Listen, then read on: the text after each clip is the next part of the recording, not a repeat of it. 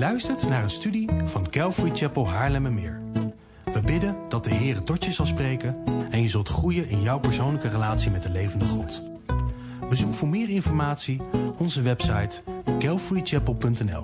Dat is C-A-L-V-A-R-Y-C-H-A-P-E-L.nl.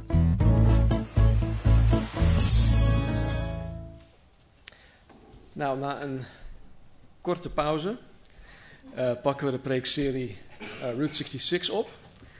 Een serie waarin we elk Bijbelboek samen met elkaar um, in vogelvlucht doornemen. En we doen dat zodat we de Bijbel en alle verbanden in de Bijbel gewoon beter leren gaan kennen.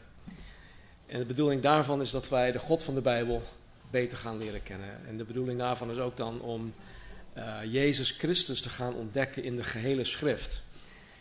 En ondanks dat Jezus Christus niet bij naam in Amos wordt genoemd, komt hij daar wel in voor. En dat zullen we dan zien door middel van een profetie aan het eind van het boek, waar we ook mee afsluiten. Maar goed, vandaag gaan we, gaan we dus kijken naar, um, naar Amos. En uh, Amos is een. Even kijken hoor. Doet hij het niet? Nee, hij doet het niet. Help. Oh, hij is er. Kijk. Ik moest even nadenken. Um, vandaag gaan we dus kijken naar, naar Amos. En het doet het, André, dankjewel. Um, ik denk, en misschien doe ik nu een, een, verkeerde aanname, maar ik denk dat dit een Bijbelboek is waarmee de meeste christenen niet echt vertrouwd zijn. Dus ik doe weer een aanname en zeg dat dit dan ook de reden is waarom wij Route 66 uh, serie met elkaar doen. Zodat uh, wij samen gewoon toch iets meer vertrouwd gaan raken met uh, vooral de kleine profeten. Als jullie er ooit door, uh, de, de, kleine profeet hebben gelezen, um, dan zal het waarschijnlijk um, ja, je eerste reactie zou zijn geweest van oeh, dit is moeilijk, het is moeilijk te volgen, het is moeilijk te snappen en het is nogal saai. Um, het is Gods woord, dus uh, we gaan er wel doorheen. En mijn hoop is dat wij uh, voor uh, eind november, nee, eind november, dat we dan klaar zijn met de kleine profeten. Zodat we in december de maand in kunnen gaan met het oog gericht op de geboorte van Jezus. Maar voordat we dus um, aan, in Amos gaan beginnen, wil ik jullie vragen om de eerste 30 Bijbelboeken op te noemen. Ja, dat is een tijdje geleden. Zal ik beginnen? Ja? ik hoor een hoop geoei en geaa. Oeh. Genesis, Exodus, Numeri, Deuteronomium, Joshua, Richteren, Rut, 1 Samuel, 2 Samuel, 1 Koningen, 2 Koningen, 1 Kronieken, 2 Kronieken, Ezra, Nehemia, Job, Psalmen, Spreuken, Prediker, Hooglied, Jesaja, Jeremia, klaagliederen, Daniel, Ezekiel, Daniel, sorry, fout, Ezekiel, Daniel, ja, Hosea, Jo, Amos, jee, kijk, die staan daar, hè? die drie die, uh, ja, meestal rond dit gedeelte van de Bijbelboeken wordt een beetje lastig. Um, alle profeten, hé, uh, hey, ze zijn weer weg. Um, Dankjewel.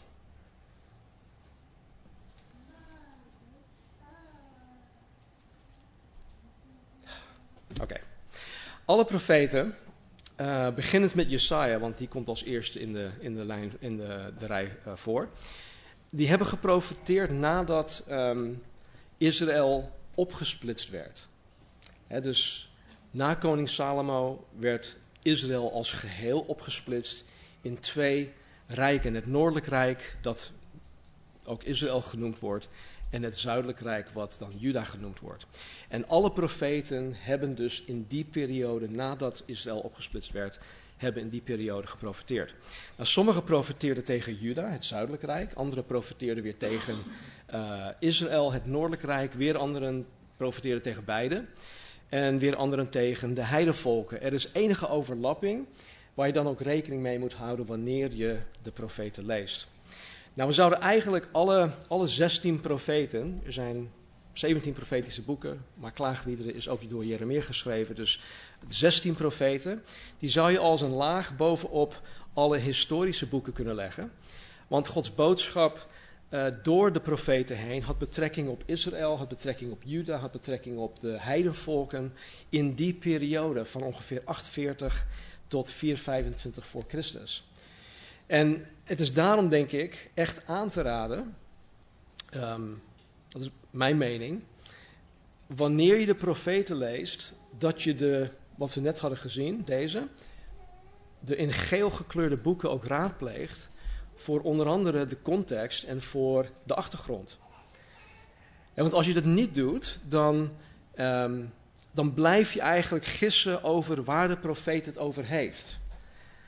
Uh, sterker nog, je loopt het gevaar dat je zaken uit zijn context haalt en dingen gaat toepassen op dingen die je, uh, waar, waar je het eigenlijk niet op hoort toe te passen, zoals de kerk bijvoorbeeld. Profetieën voor Israël zijn expliciet voor Israël en niet voor de kerk van vandaag. Dat is niet Gods bedoeling. Nou, de achtergrond en context voor Amos, voor degene die aan, uh, aantekeningen maken, vind je bijvoorbeeld in 2 Koningen 14 en in 2 Kronieken 26. Dus 2 Koningen 14 en 2 Kronieken 26. Amos, ehm, zijn naam betekent of kan betekenen lastdrager, dus iemand die een last draagt. Het zou ook kunnen betekenen gedragen door God. En, want ja, enerzijds draagt Amos de last die God aan hem geeft om te dragen. En anderzijds wordt hij hierin door God gedragen. En wat trouwens altijd het geval is wanneer God iemand roept en ook aanstelt tot een specifieke taak of bediening. Nou, Amos beschrijft zichzelf in vers, e, hoofdstuk 1, vers 1 als een veehouder uit Tekoa. Vergeef me, ik heb, een, ik heb moeite met klemtonen leggen. Dus als ik het verkeerd zeg, uh, laat het gewoon gaan. Erger je daar alsjeblieft niet aan. Uh, want het gaat om de inhoud. Dus Tekoa kan ook Tekoa zijn of Tekoa. Anyway. Uh, hij beschrijft zichzelf als een veehouder uit Tekoa. En volgens um, hoofdstuk 7, vers 14 is hij geen beroepsprofeet. Hij is ook niet een zoon van de profeet, zegt hij. maar hij is een veehouder en hij is een vijgenteler.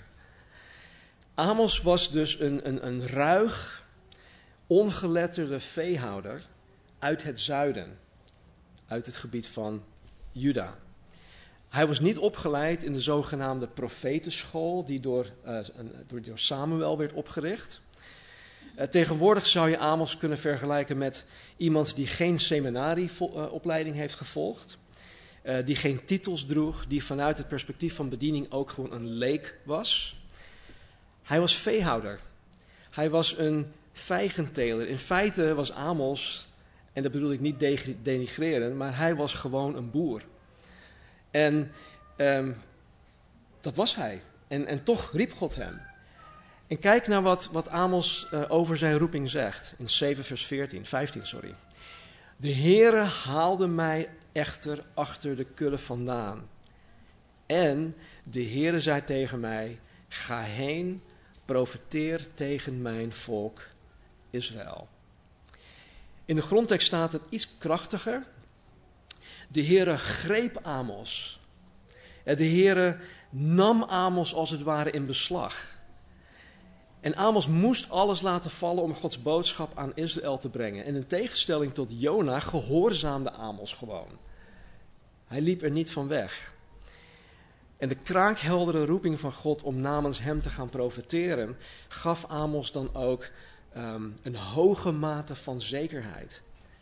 Hij wist dat. Hij wist, Amos wist, Iemand uh, maakt de deur open volgens mij. Oké. Hebben jullie aandacht weer? Ja, oké. Okay. Um, Amos wist dat God hem ertoe had geroepen. En hij had hem ertoe geroepen om namens hem te spreken. En dat ondanks alle tegenstand en ontmoediging die hij zou ervaren. Dat hebben alle profeten meegemaakt. Dat maken sommigen van, ja, dat maken wij die God dienen, die maken dat nu ook nog mee. Tegenstand en ontmoediging. En hij was gewoon zeker van zijn roeping en hij was zeker van zijn taak. En, en weet je, die zekerheid is nodig om te blijven doen wat God van je vereist. Het is nodig om koers te kunnen blijven houden. Vaak zeggen wij dat, ja, God vraagt dit van jou. Nee, God eist dit van jou. Dat is een wezenlijk verschil. Want als God iets van mij vraagt, als zijn slaaf, als zijn dienstknecht, zijn doulos, kan ik zeggen, ja, oké, u vraagt het. Nou, goed, gaan we doen. U vraagt het, ja, nou, misschien ga ik dat niet doen.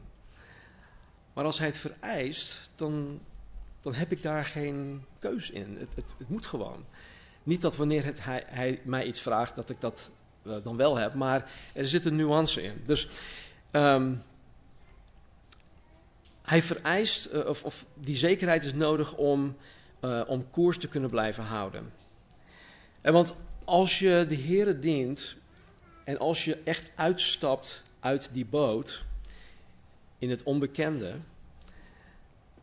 terwijl al je, je zintuigen en je emoties en je, denk, je denkwereld het uitschreeuwen dat van alles misgaat, eh, dat het eigenlijk geen zin meer heeft, dat het ten koste gaat van je eigen ik, dan heeft God jou daar wel toe geroepen. En dat is juist zo belangrijk om dat als geen ander te weten. En Jezus Christus is ons ultiem voorbeeld hierin. Hij wist precies waarom hij zijn heerlijkheid had afgelegd, een kwetsbaar mens van vlees en bloed werd, hier naar de aarde toe kwam om zijn missie te volbrengen, te vervullen. Als hij daarover twijfelde, toen hij veertig dagen lang door de Satan werd verzocht, dan had hij waarschijnlijk anders gaan, gehandeld. Maar hij wist het gewoon. Hij wist wat hij moest doen. En Paulus volgde Jezus hierin na. En Paulus kon dus zeggen: Volg mij na zoals ik Christus navolg. En Amos was er ook, nog, was er ook zo een. Nou, wat zo mooi is aan Amos is dat hij de alledaagse mens vertegenwoordigt. En Amos was geen zins bijzonder. Hij was niet opgeleid. Hij kwam niet uit de adel. Hij was doorsnee. En, en, en toch koos God Amos om hem als een bona fide profeet te gaan vertegenwoordigen. Hij koos Amos. En dit, dit hoort ons allemaal te bemoedigen, want als God een Amos kan gebruiken, dan kan Hij ook jou en mij gebruiken. Hij kan ons allemaal gebruiken. En weet je, ik heb een, een sterk vermoeden dat God ons niet alleen kan gebruiken, maar dat hij, ook, dat hij dat ook echt wil. Wij hoeven God niet ervan te overtuigen, oh God, gebruik mij alsjeblieft. Nee, het ligt altijd bij mij. Wil ik door de Heer gebruikt worden? Wil ik mezelf geheel beschikbaar stellen om door Hem gebruikt te worden? Wil ik mezelf verloochenen? Wil ik mijn kruis opnemen? Dat is sterven aan mezelf. Wil ik Hem kosten wat kost navolgen? Zo ja, dan zal God mij gebruiken. Wat ook erg mooi is aan de roeping en de bediening van Amos is waartoe God hem had geroepen. Hij moest als plattelander naar het noorden toe, naar Samaria, wat in die tijd de metropool van Israël was. Koning Jerobeam II, die regeerde in die tijd over Israël, hij was een goddeloze koning. Hij deed alles slecht. Alles wat slecht was in de ogen van de Heer, dat deed hij. Maar onder zijn bewind werd Israël zeer welvarend. Israël veroverde meer grondgebied door omstandigheden. Hun strijdmacht was echt op en top, waardoor de omringende volken hun met rust lieten. Alles zat gewoon mee. Life was good. En maar zoals welvaart vaak tot immoraliteit leidt, tot arrogantie, tot geen respect hebben voor de armen, geen respect hebben voor het leven en alleen het najagen van genot. Zo was het in Israël onder het koningschap van Jerobeam II. En ze weken steeds meer en meer van Gods woord af. De mensen in het noordelijk gebied, in Samaria, in, in, eh, die plekken, ehm, in de metropool, die waren geraffineerd. En het waren hele stijlvolle mensen. Die waren verfijnd. Die waren wereldwijs. Die waren als, ja, dat, het waren elite. En dit werd mede mogelijk gemaakt over de ruggen van de armen en over de um, marginalized, um, gemarginaliseerde, is dat een woord? Ja, ja de gemarginaliseerde. Um, en, en wat doet God? God, om zijn boodschap van oordeel aan deze elite te brengen, wat doet hij? Hij stuurt een boer. Dat is zo onwaarschijnlijk als ik weet niet wat. Hij stuurt Amos met, zijn, met een zeer heftige boodschap. Als ik God was geweest, dan had ik anders gekozen. En dan had ik iemand met heel veel charisma en met veel um, overtuigingskracht uh, naar hem toe had, had, gestuurd. En dan had ik een, een bijvoorbeeld een, een, Barack Obama naar hen gestuurd, want hij valt veel beter in de smaak van dit soort mensen. Maar goed, God koos voor het onwaarschijnlijke. En weet je wat? Jezus kiest vandaag de dag, anno 2022, nog steeds zeer onwaarschijnlijke mensen om zijn boodschap te brengen. Om hem te dienen. Tegen de Corinthiërs zei hij dit schreef Paulus het volgende. Let namelijk op uw roeping, broeders, en er zijn onder u niet veel wijzen, naar het vlees, dus menselijk gezien zijn er onder u niet veel wijzen, niet veel machtigen, niet veel aanzienlijken, maar het dwaze van de wereld heeft God uitverkoren om de wijzen te beschamen. En het zwakke van de wereld heeft God uitverkoren om het sterke te beschamen. En het onaanzienlijke van de wereld en het verachten heeft God uitverkoren. En wat niets is, om wat iets is, te niet te doen. Opdat geen vlees of geen mens voor God zou roemen. Als Amos het kan doen, dan kunnen de Corinthiërs het ook. En dan kunnen jij, u en ik het ook. Wij zijn allen in staat om God te gehoorzamen en ja tegen Hem te zeggen wanneer Hij ons roept.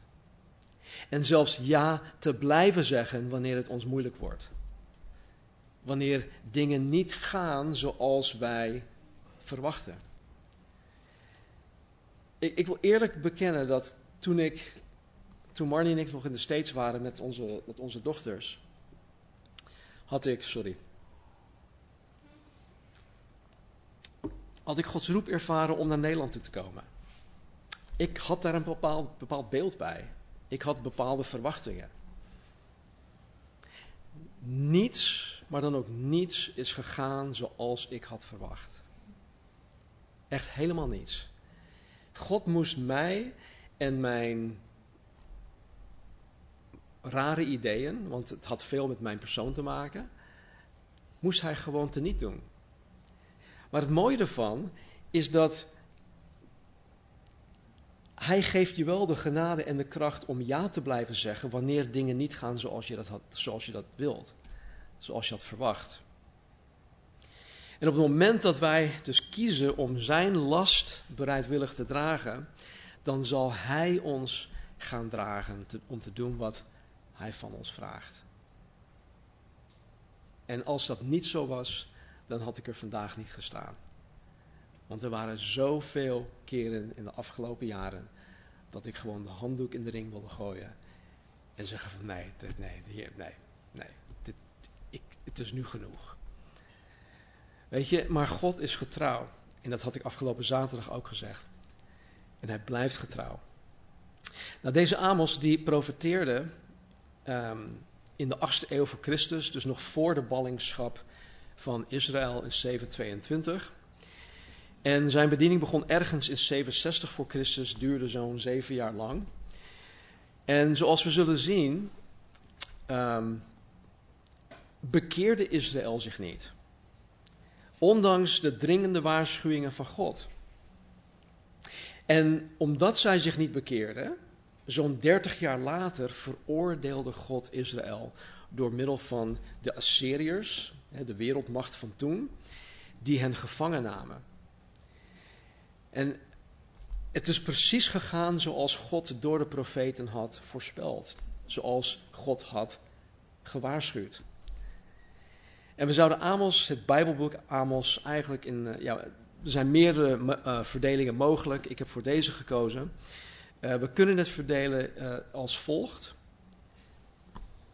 Um, in hoofdstuk 1 en 2 spreekt God zijn oordeel uit over zes omringende volken. En ook over Juda en ook over Israël. Hoofdstuk 3 tot 6, tot en met 6, sorry, laat God zien dat zijn oordeel over Israël in het heden, waar hij nu waar hij spreekt in het heden, maar ook in het verleden en in de toekomst. En dat zijn oordeel echt terecht is.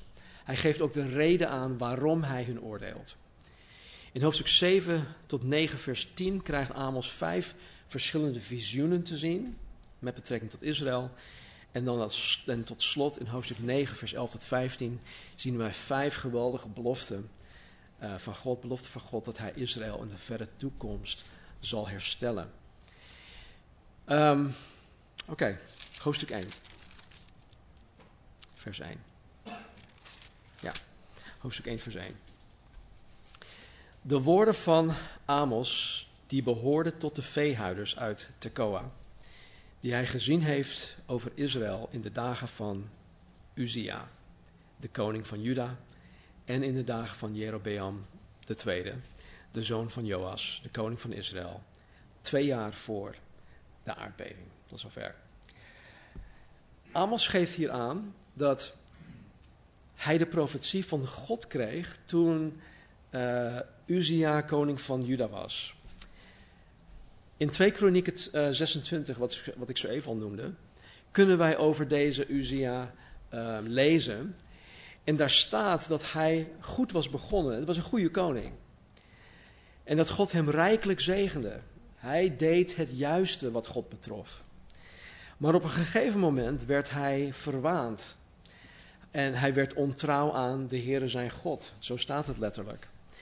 Hij ging de tempel in om daar in de tempel um, reukwerk in rook op te laten gaan op het reukofferaltaar. En dit had God streng verboden, want een koning mocht absoluut niet de heilige taak van een priester vervullen. En dit was alleen toegestaan voor priesters, voor nakomelingen van Aaron. Aaron, Aaron. En terwijl hij dit dus deed, ging de priester Azaria en nog wat andere priesters naar hem toe. Ze gingen hem achterna. Ze spraken deze Uzia erop aan, waardoor hij woedend werd. Hoe durven jullie? En terwijl hij woedend werd, staat er, kwam er plotseling melaatsheid op zijn voorhoofd tevoorschijn. Wat hij tot aan zijn dood gewoon bleef houden. Vanaf dat moment tot aan zijn dood was hij melaats. Hij werd verbannen van Gods huis en zijn, koning, en zijn zoon Jotam werd koning in zijn plaats. Nou, nu dit voor de Bijbelgeeks. De, geschieds, de geschiedschrijver um, Flavius Josephus uit de eerste eeuw schreef over de aardbeving die Amos hier in vers 1 noemt.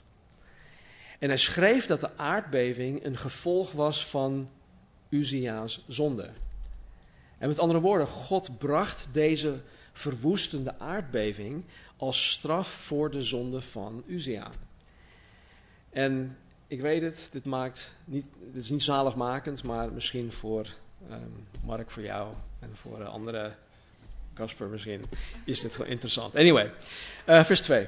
Uh, eh, vers 2. Hij zei, de Heere zal vanaf Sion brullen als een leeuw. Vanuit Jeruzalem zal hij zijn stem laten klinken, zodat de weiden van de herders treuren en de top van de karmel verdort. Deze woorden zouden we kunnen zien uh, als een samenvatting van de gehele profetie van Amos. De Heere zal brullen als een leeuw. Tegenwoordig, als je op safari gaat in Afrika en je hoort het gebrul van een leeuw, dan zal de, de gids waarschijnlijk heel, heel opgewonden raken van, hé, hey, hoor je dat, hoor je dat? Kijk, daar, daar heb je, oh, kijk in de verte, daar heb je hem. Een leeuw die brult. want een leeuw is, is ergens in de buurt. Die mensen die, die worden helemaal excited, want ze gaan een echte leeuw zien.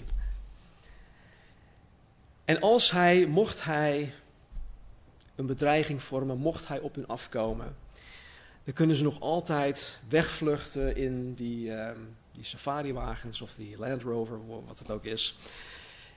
En in het ergste geval zouden ze het dier met een geweer kunnen doodschieten. Wat natuurlijk afgrijzelijk is. Zo kan dat vandaag de dag. Maar in die tijd, de tijd van Amos, in de 8e eeuw voor Christus, was dat heel anders. Als je toen het gebrul van een leeuw hoorde, dan was er onmiddellijk gevaar. Als je het gebrul van de leeuw hoorde, zou je niet kunnen ontsnappen. Dat was gewoon een gegeven. Je hoort een leeuw, einde verhaal. En dit is het idee achter de poëtische woorden van Amos. Hij noemt God hier, of hij zegt van God, de Heere zal vanaf Sion brullen als een leeuw. En wat Amos hier dus verklaart, is dat God als een leeuw brult en dat hij uiteindelijk zijn prooi zal verslinden. Niemand is veilig. Niemand zal zijn toorn ontkomen. En dit is de essentie van de gehele boodschap, de hele profetie van Amos. Nou, opmerkelijk is dat God Israël en Juda gelijkstelt aan de heidevolken. In hoofdstuk 1 en 2.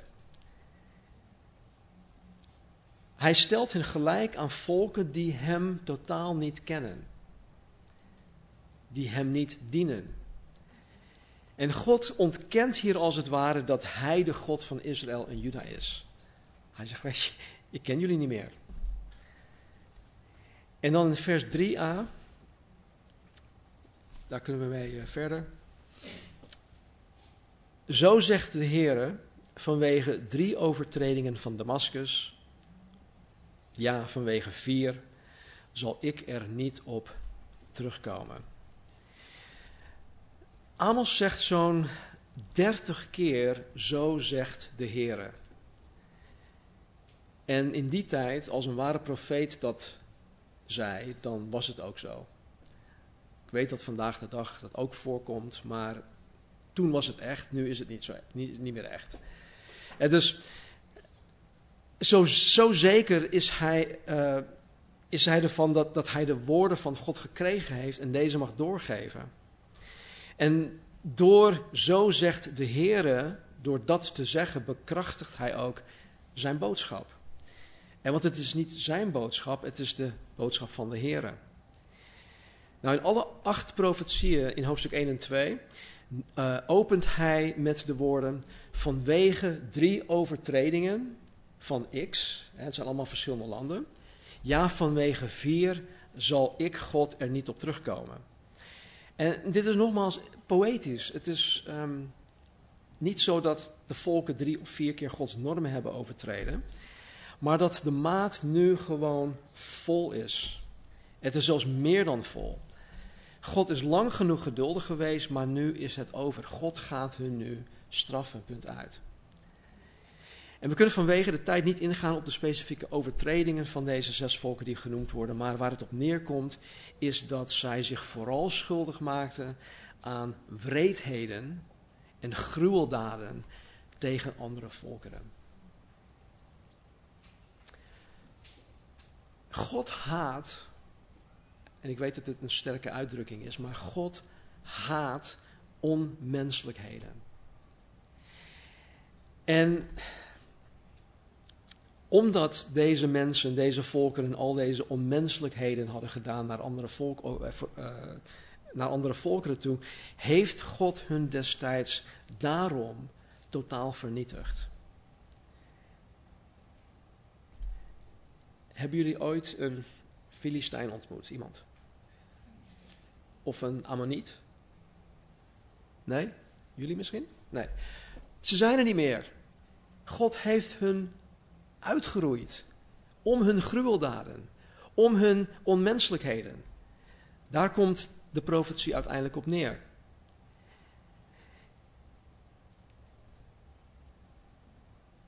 En weet je, God is dezelfde gisteren, heden en tot in eeuwigheid.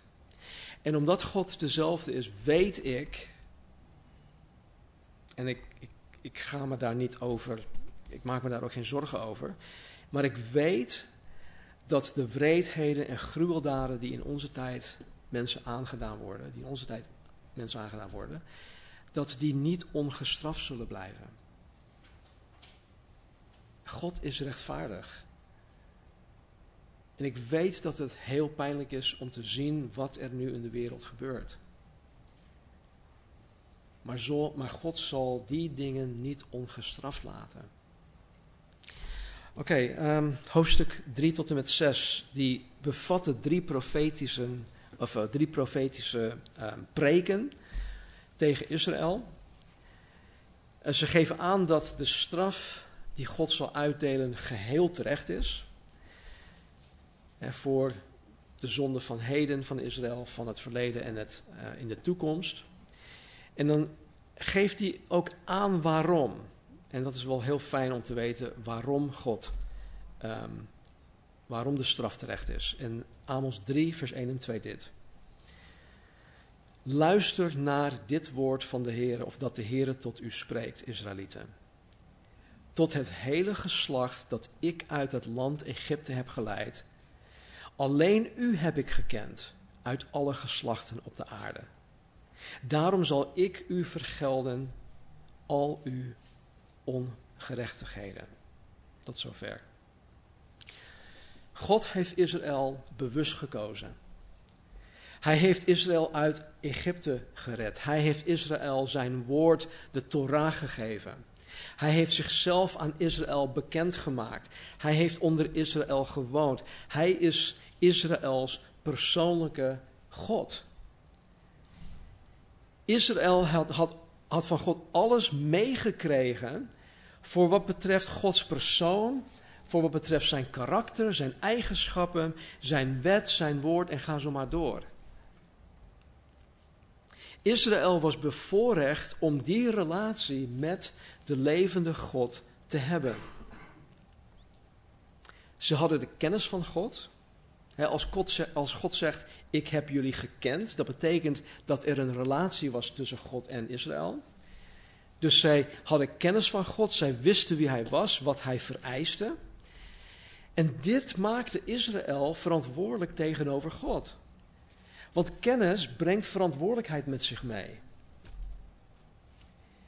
En als je bijvoorbeeld nu nog niet gelooft en je hebt het evangelie meegekregen, voor de zoveelste maal misschien, en als je morgen voor God komt te staan, dan kan je nooit zeggen van, ja maar, sorry, maar ik heb het echt niet geweten.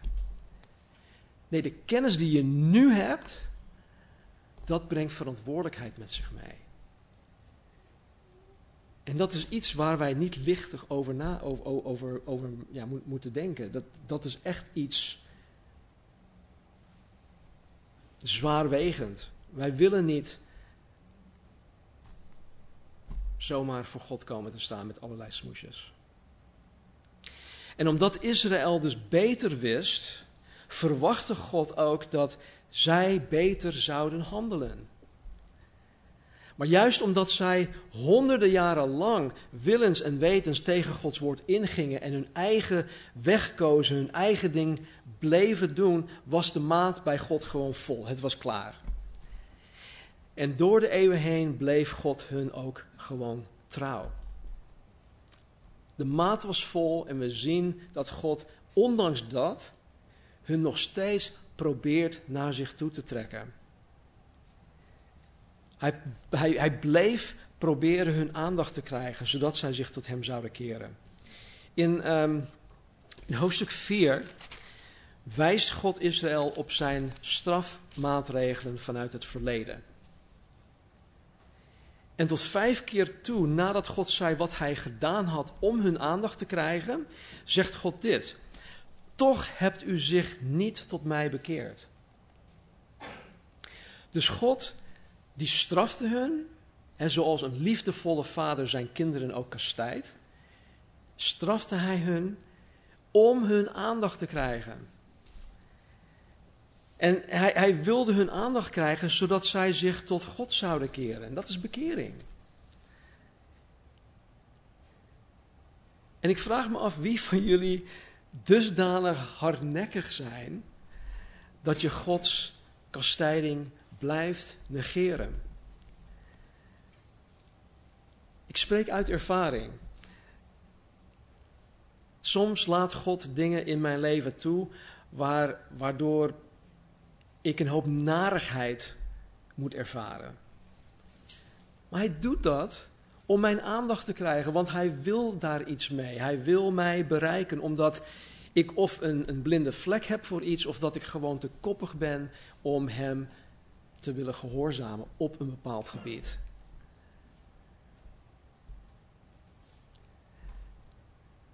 En jullie zijn niet anders dan ik. We zitten allemaal in hetzelfde schuitje. Amos 4:1.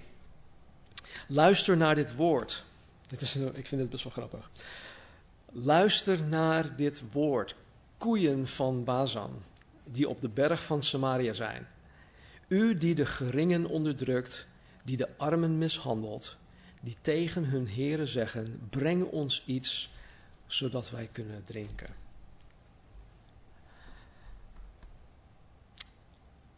Vooral in dit vers, ook op andere plekken, maar vooral hier zien wij de directheid, oftewel de, de botheid van deze ruige Amos. Hij noemt de welvarende vrouwen van Israël gewoon koeien.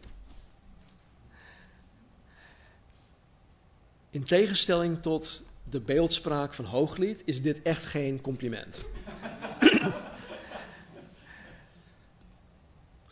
Deze vrouwen die genoten van een luxe leven over de ruggen van de geringen en de armen. En die genoten, hè, ze hadden high teas met elkaar. Uh, man, uh, ik wil nog een. Weet je, en, en, en, en dat ging dan over de ruggen van de geringen en de armen. En God is hier echt niet van gediend. Amos 5, vers 21 en 2, 3, tot, uh, 25 tot met 23. Ik haat, ik versmaad uw feesten. Uw bijzondere samenkomsten kan ik niet luchten. Want al brengt u mij brandoffers en uw graanoffers, ik schep er geen behagen in. En het dankoffer van uw gemest vee, ik wil het niet aanzien. Doe het lawaai van uw liederen van mij weg en het getokkel van uw luiten kan ik niet aanhoren. Nogmaals, Israël had de Bijbel. Ze wisten wat God van hun vereiste, maar toch negeerden zij Gods woord. Keer op keer, structureel. Zij aanbaden afgoden, zij mishandelden de geringen en de armen. Zij maakten misbruik van hun positie. Maar tegelijkertijd hielden zij nog wel hun erediensten. Hielden zij nog steeds hun samenkomsten. En maar omdat God, om, om, maar omdat zij, zij God zijn woord in hun dagelijks leven geheel links lieten liggen, betekende hun erediensten totaal niets voor God. Sterker nog, God, zoals we net hebben gelezen, walgde gewoon van hun samenkomsten. Het gaat God niet om ijdele en lege rituelen. Het gaat God niet om de vorm. Het gaat God om een onverdeeld hart dat naar Hem uitgaat. Het gaat God om de inhoud, echt niet de vorm. En mijn gebed is dat Jezus Christus mij en ons allemaal klein zal houden. Dat Hij ons klein houdt, dat Hij ons kort houdt. Jullie weten vrijwel, iedereen weet dat wij een, een, hond hebben. En um, nou goed, ze heeft zo'n loslooplijn die 10 meter lang is. Die, en dan struint ze rond, ze blijft, nou, dan komt ze weer terug. Maar op een gegeven moment moet ik dat ding op lok zetten en dan moet ik haar gewoon kort houden. Vanwege een situatie.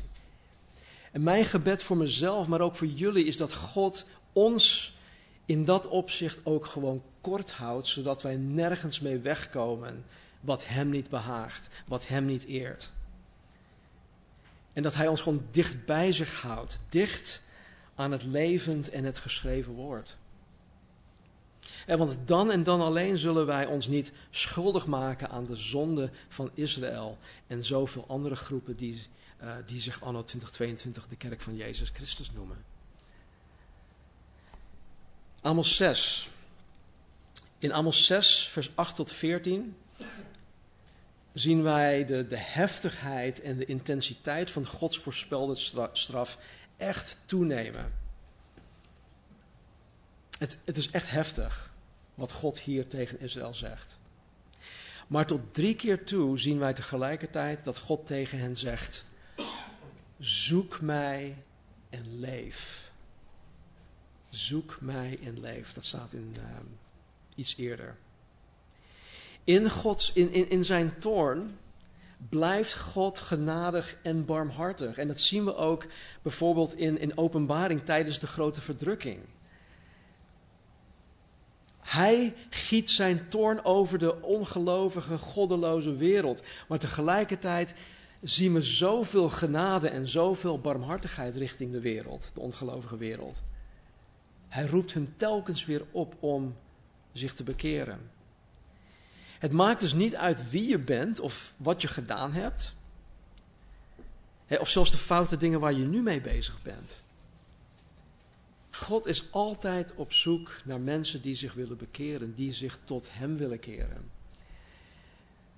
En ik maak soms wel eens een grapje eh, dat ik onderscheid maak tussen slechte zondaren en goede zondaren. Ik was voor mijn bekering echt een slechte zondaar. Ik heb allerlei rare dingen gedaan, slechte dingen. Er zijn ook goede zondaren. Hè, die moreel gewoon goed leven, die uh, goed voor hun uh, partner zorgen en kinderen, die een goede, goede werkgever zijn, werknemer zijn, enzovoort, enzovoort. Maar als ze niets met die zonde die ze geërfd hebben van Adam, als ze daar niks mee doen, dan blijven ze een zondaar. Dus hoe dan ook, of je een slechte of een goede zondaar bent, je hebt het offer van Jezus Christus nodig. Anders word je ook zoals Israël geoordeeld en veroordeeld. Hoofdstukken 7 tot met 9. In hoofdstukken 7 tot met 9 komen vijf visioenen voor.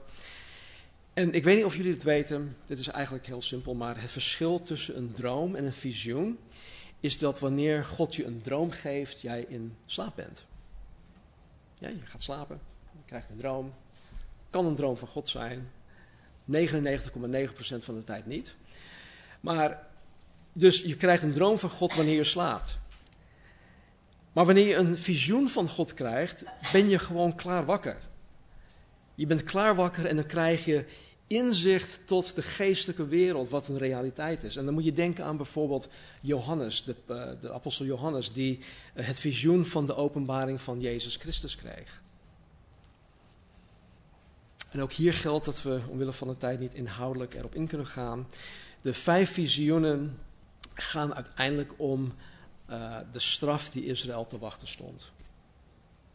Wat heel opvallend is, is de eerste twee visioenen uh, pleit Amos voor Israël, voor Jacob. En dan staat er dat God zich, um, God zijn straf eigenlijk terug, terughield. Nou, er is een stukje in, um, in hoofdstuk 7, vers 10 tot met 17. En als je Amos gelezen hebt, en mocht je je afgevraagd hebben waarom uh, hoofdstuk 7, vers 10 tot 17 ineens afwijken van deze bizarre visioenen, dan heb je heel goed opgelet.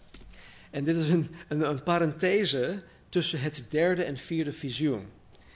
Uh, waarin uh, Amos met een zogenaamde hoge priester van Bethel een, een, heftig gesprek voert. Hij was geen hoge priester van God, maar hij was een hoge priester van het Noordelijk Rijk die allerlei afgoden ehm, aanbaden.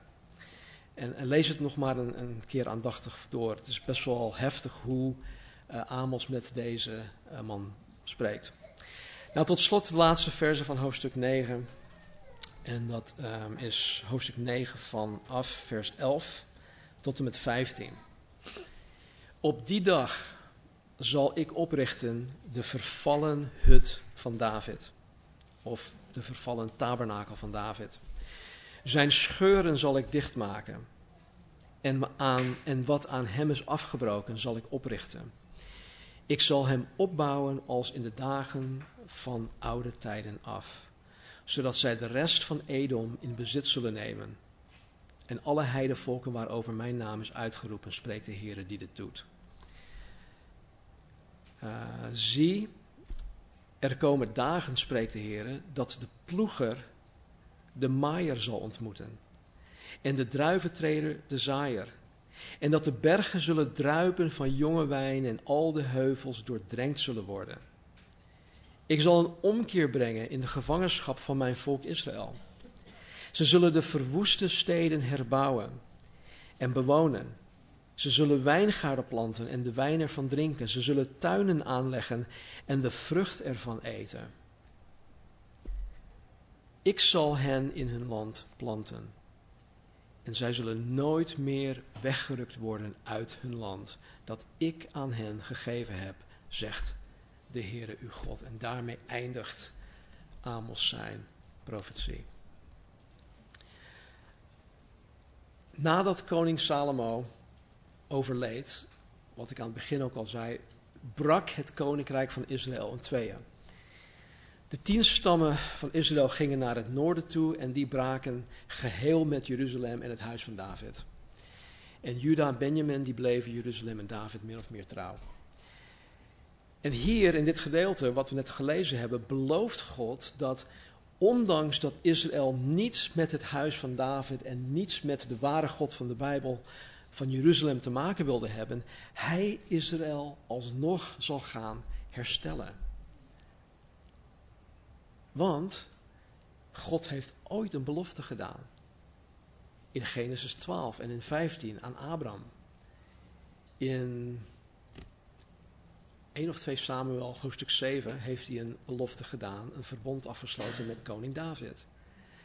Weet je, en God houdt zich aan zijn woord. Dus ondanks wat de mensen, het volk, wat Israël heeft gedaan, zal God zijn woord nakomen. En dat zien wij in deze belofte. En dan zullen ze niet alleen als de tien noordelijke stammen uh, hersteld worden, apart nog steeds. Nee, het zal geheel Israël zijn. En alhoewel Israël momenteel nog steeds verstrooid is en Jezus Christus nog steeds uh, niet aanvaard hebben als Messias, zal er een moment aanbreken wanneer Israël teruggebracht wordt naar het beloofde land onder het bewind van de Messias Jezus Christus. En waar Amos in deze verse over schrijft, is iets waar ik en ik geloof ook jullie met rijkhalzend verlangen naar uitkijken. En dat is de wederkomst van Christus, het duizendjarig rijk, waarin Hij in alle rechtvaardigheid hier op aarde zal regeren. En waarin wij samen met Hem zullen regeren. Jezus moest de eerste keer komen om het heil te brengen. door in onze plaats de doodstraf voor onze zonde op zich te nemen. Hij betaalde de prijs voor mijn, voor onze zonden aan het kruis. Maar eenmaal opgestaan uit de dood, heeft Jezus de dood overwonnen. Om voor eeuwig te blijven leven. In Johannes hoofdstuk 11 is er een, ehm, een vertel, in de vertelling staat dat um, Lazarus was gestorven. Broer van Maria en van Martha. En Jezus komt expres drie of een aantal dagen te laat, zodat hij al begraven was en waarschijnlijk al aan het ontbinden was. En wat doet hij? Hij wekt deze Lazarus weer op uit de dood. Maar dat was een, een, een reanimatie. De opwekking uit de dood van Jezus Christus was geen reanimatie. Hij is opgestaan om nooit meer te sterven. Lazarus die stierf weer daarna. Jezus nooit meer. En wij die in Jezus Christus geloven, wij die Hem navolgen, wij die Zijn discipelen zijn, hebben samen met Hem door Zijn toedoen ook de dood overwonnen.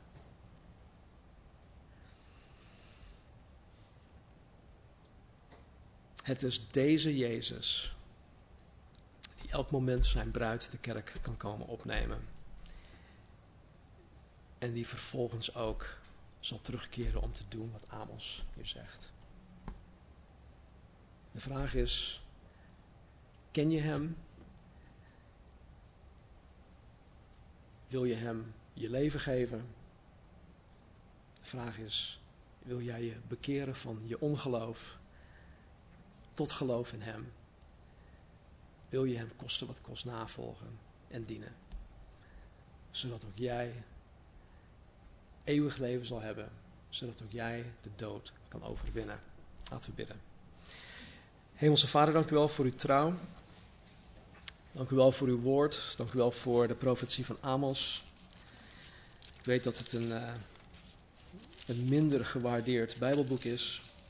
Maar Heer, ik dank u voor de geweldige belofte aan het eind. Dat u alles zal herstellen voor Israël, voor ons. En zo bid ik, Heer, dat u degene die nog niet geloven, Heer, dat u hen naar u toe zal trekken. Schenk hun bekering. Want alleen u, Heer, kan de wedergeboorte um, bewerkstelligen. Help ons, Heer. Dank u wel voor het geloof dat u ons gegeven hebt. Kom ons tegemoet in ons ongeloof. En help ons de komende dagen, de komende week, uit geloof te leven. Help ons om, ja, zoals zoveel zeggen, u bij alles te betrekken. Maar heren, ik bid liever dat u ons bij uw werk betrekt. Beweeg ons daartoe. Dank u wel, Heer, voor uw trouw. Dank u wel, Jezus, dat u zo ver bent gegaan om ons te redden, om ons leven te geven. En dank u wel dat onze veranderde levens, Heer, het bewijs is dat u leeft.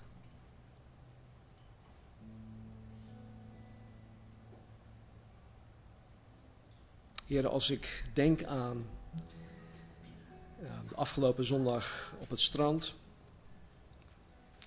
als ik aan de mensen denk die u nog niet kennen, Heer, dan hoop ik dat, dat wij die u wel kennen, Heer, iets van u hebben mogen laten zien. Want Heer, wij zijn als het ware um, het beste dat de menselijkheid te bieden heeft. En dat is alleen in u en alleen door u. Dus Heer, wanneer we de komende week ingaan, help ons om de allerbeste mensen te zijn. Ten eerste, Heer, tegenover u en ook tegenover onze naasten. Onze partners, onze kinderen, kleinkinderen, buren, collega's, medeweggebruikers, medeshoppers bij de supermarkt. Help ons, Heer, om ons licht te laten schijnen zodat de goede werken die wij doen, zullen laten zien dat u onze Vader bent. In Jezus' naam. Amen. Een aantal liederen worden gezongen. Er zullen een aantal mensen ook langs de achterrand zullen staan om uh, met jullie te bidden. Ik zou zeggen, maak er gebruik van. zoals Casper en ik vaak al zeggen, ja, het is niet een kwestie van wie het nodig heeft, maar uh, wie het wil, wie het durft. Um, ik weet ook dat als je daar zo zit, dat je misschien ook denkt van, ja, maar wat als ik opsta, wat zal hij of zij niet van mij denken? Dan weet je, die naast je zit, die denkt precies hetzelfde, dus het maakt echt helemaal niet uit. Ik had afgelopen zondag ook op strand een gesprek met iemand over het echt zijn en de echtheid van het christen zijn. En ik denk dat als je om gebed vraagt, dat dat ook een teken kan zijn van gewoon echt zijn. Ik heb het nodig, ik wil het. Het is een voorrecht. Dus geen dwang, maar het is jouw keus.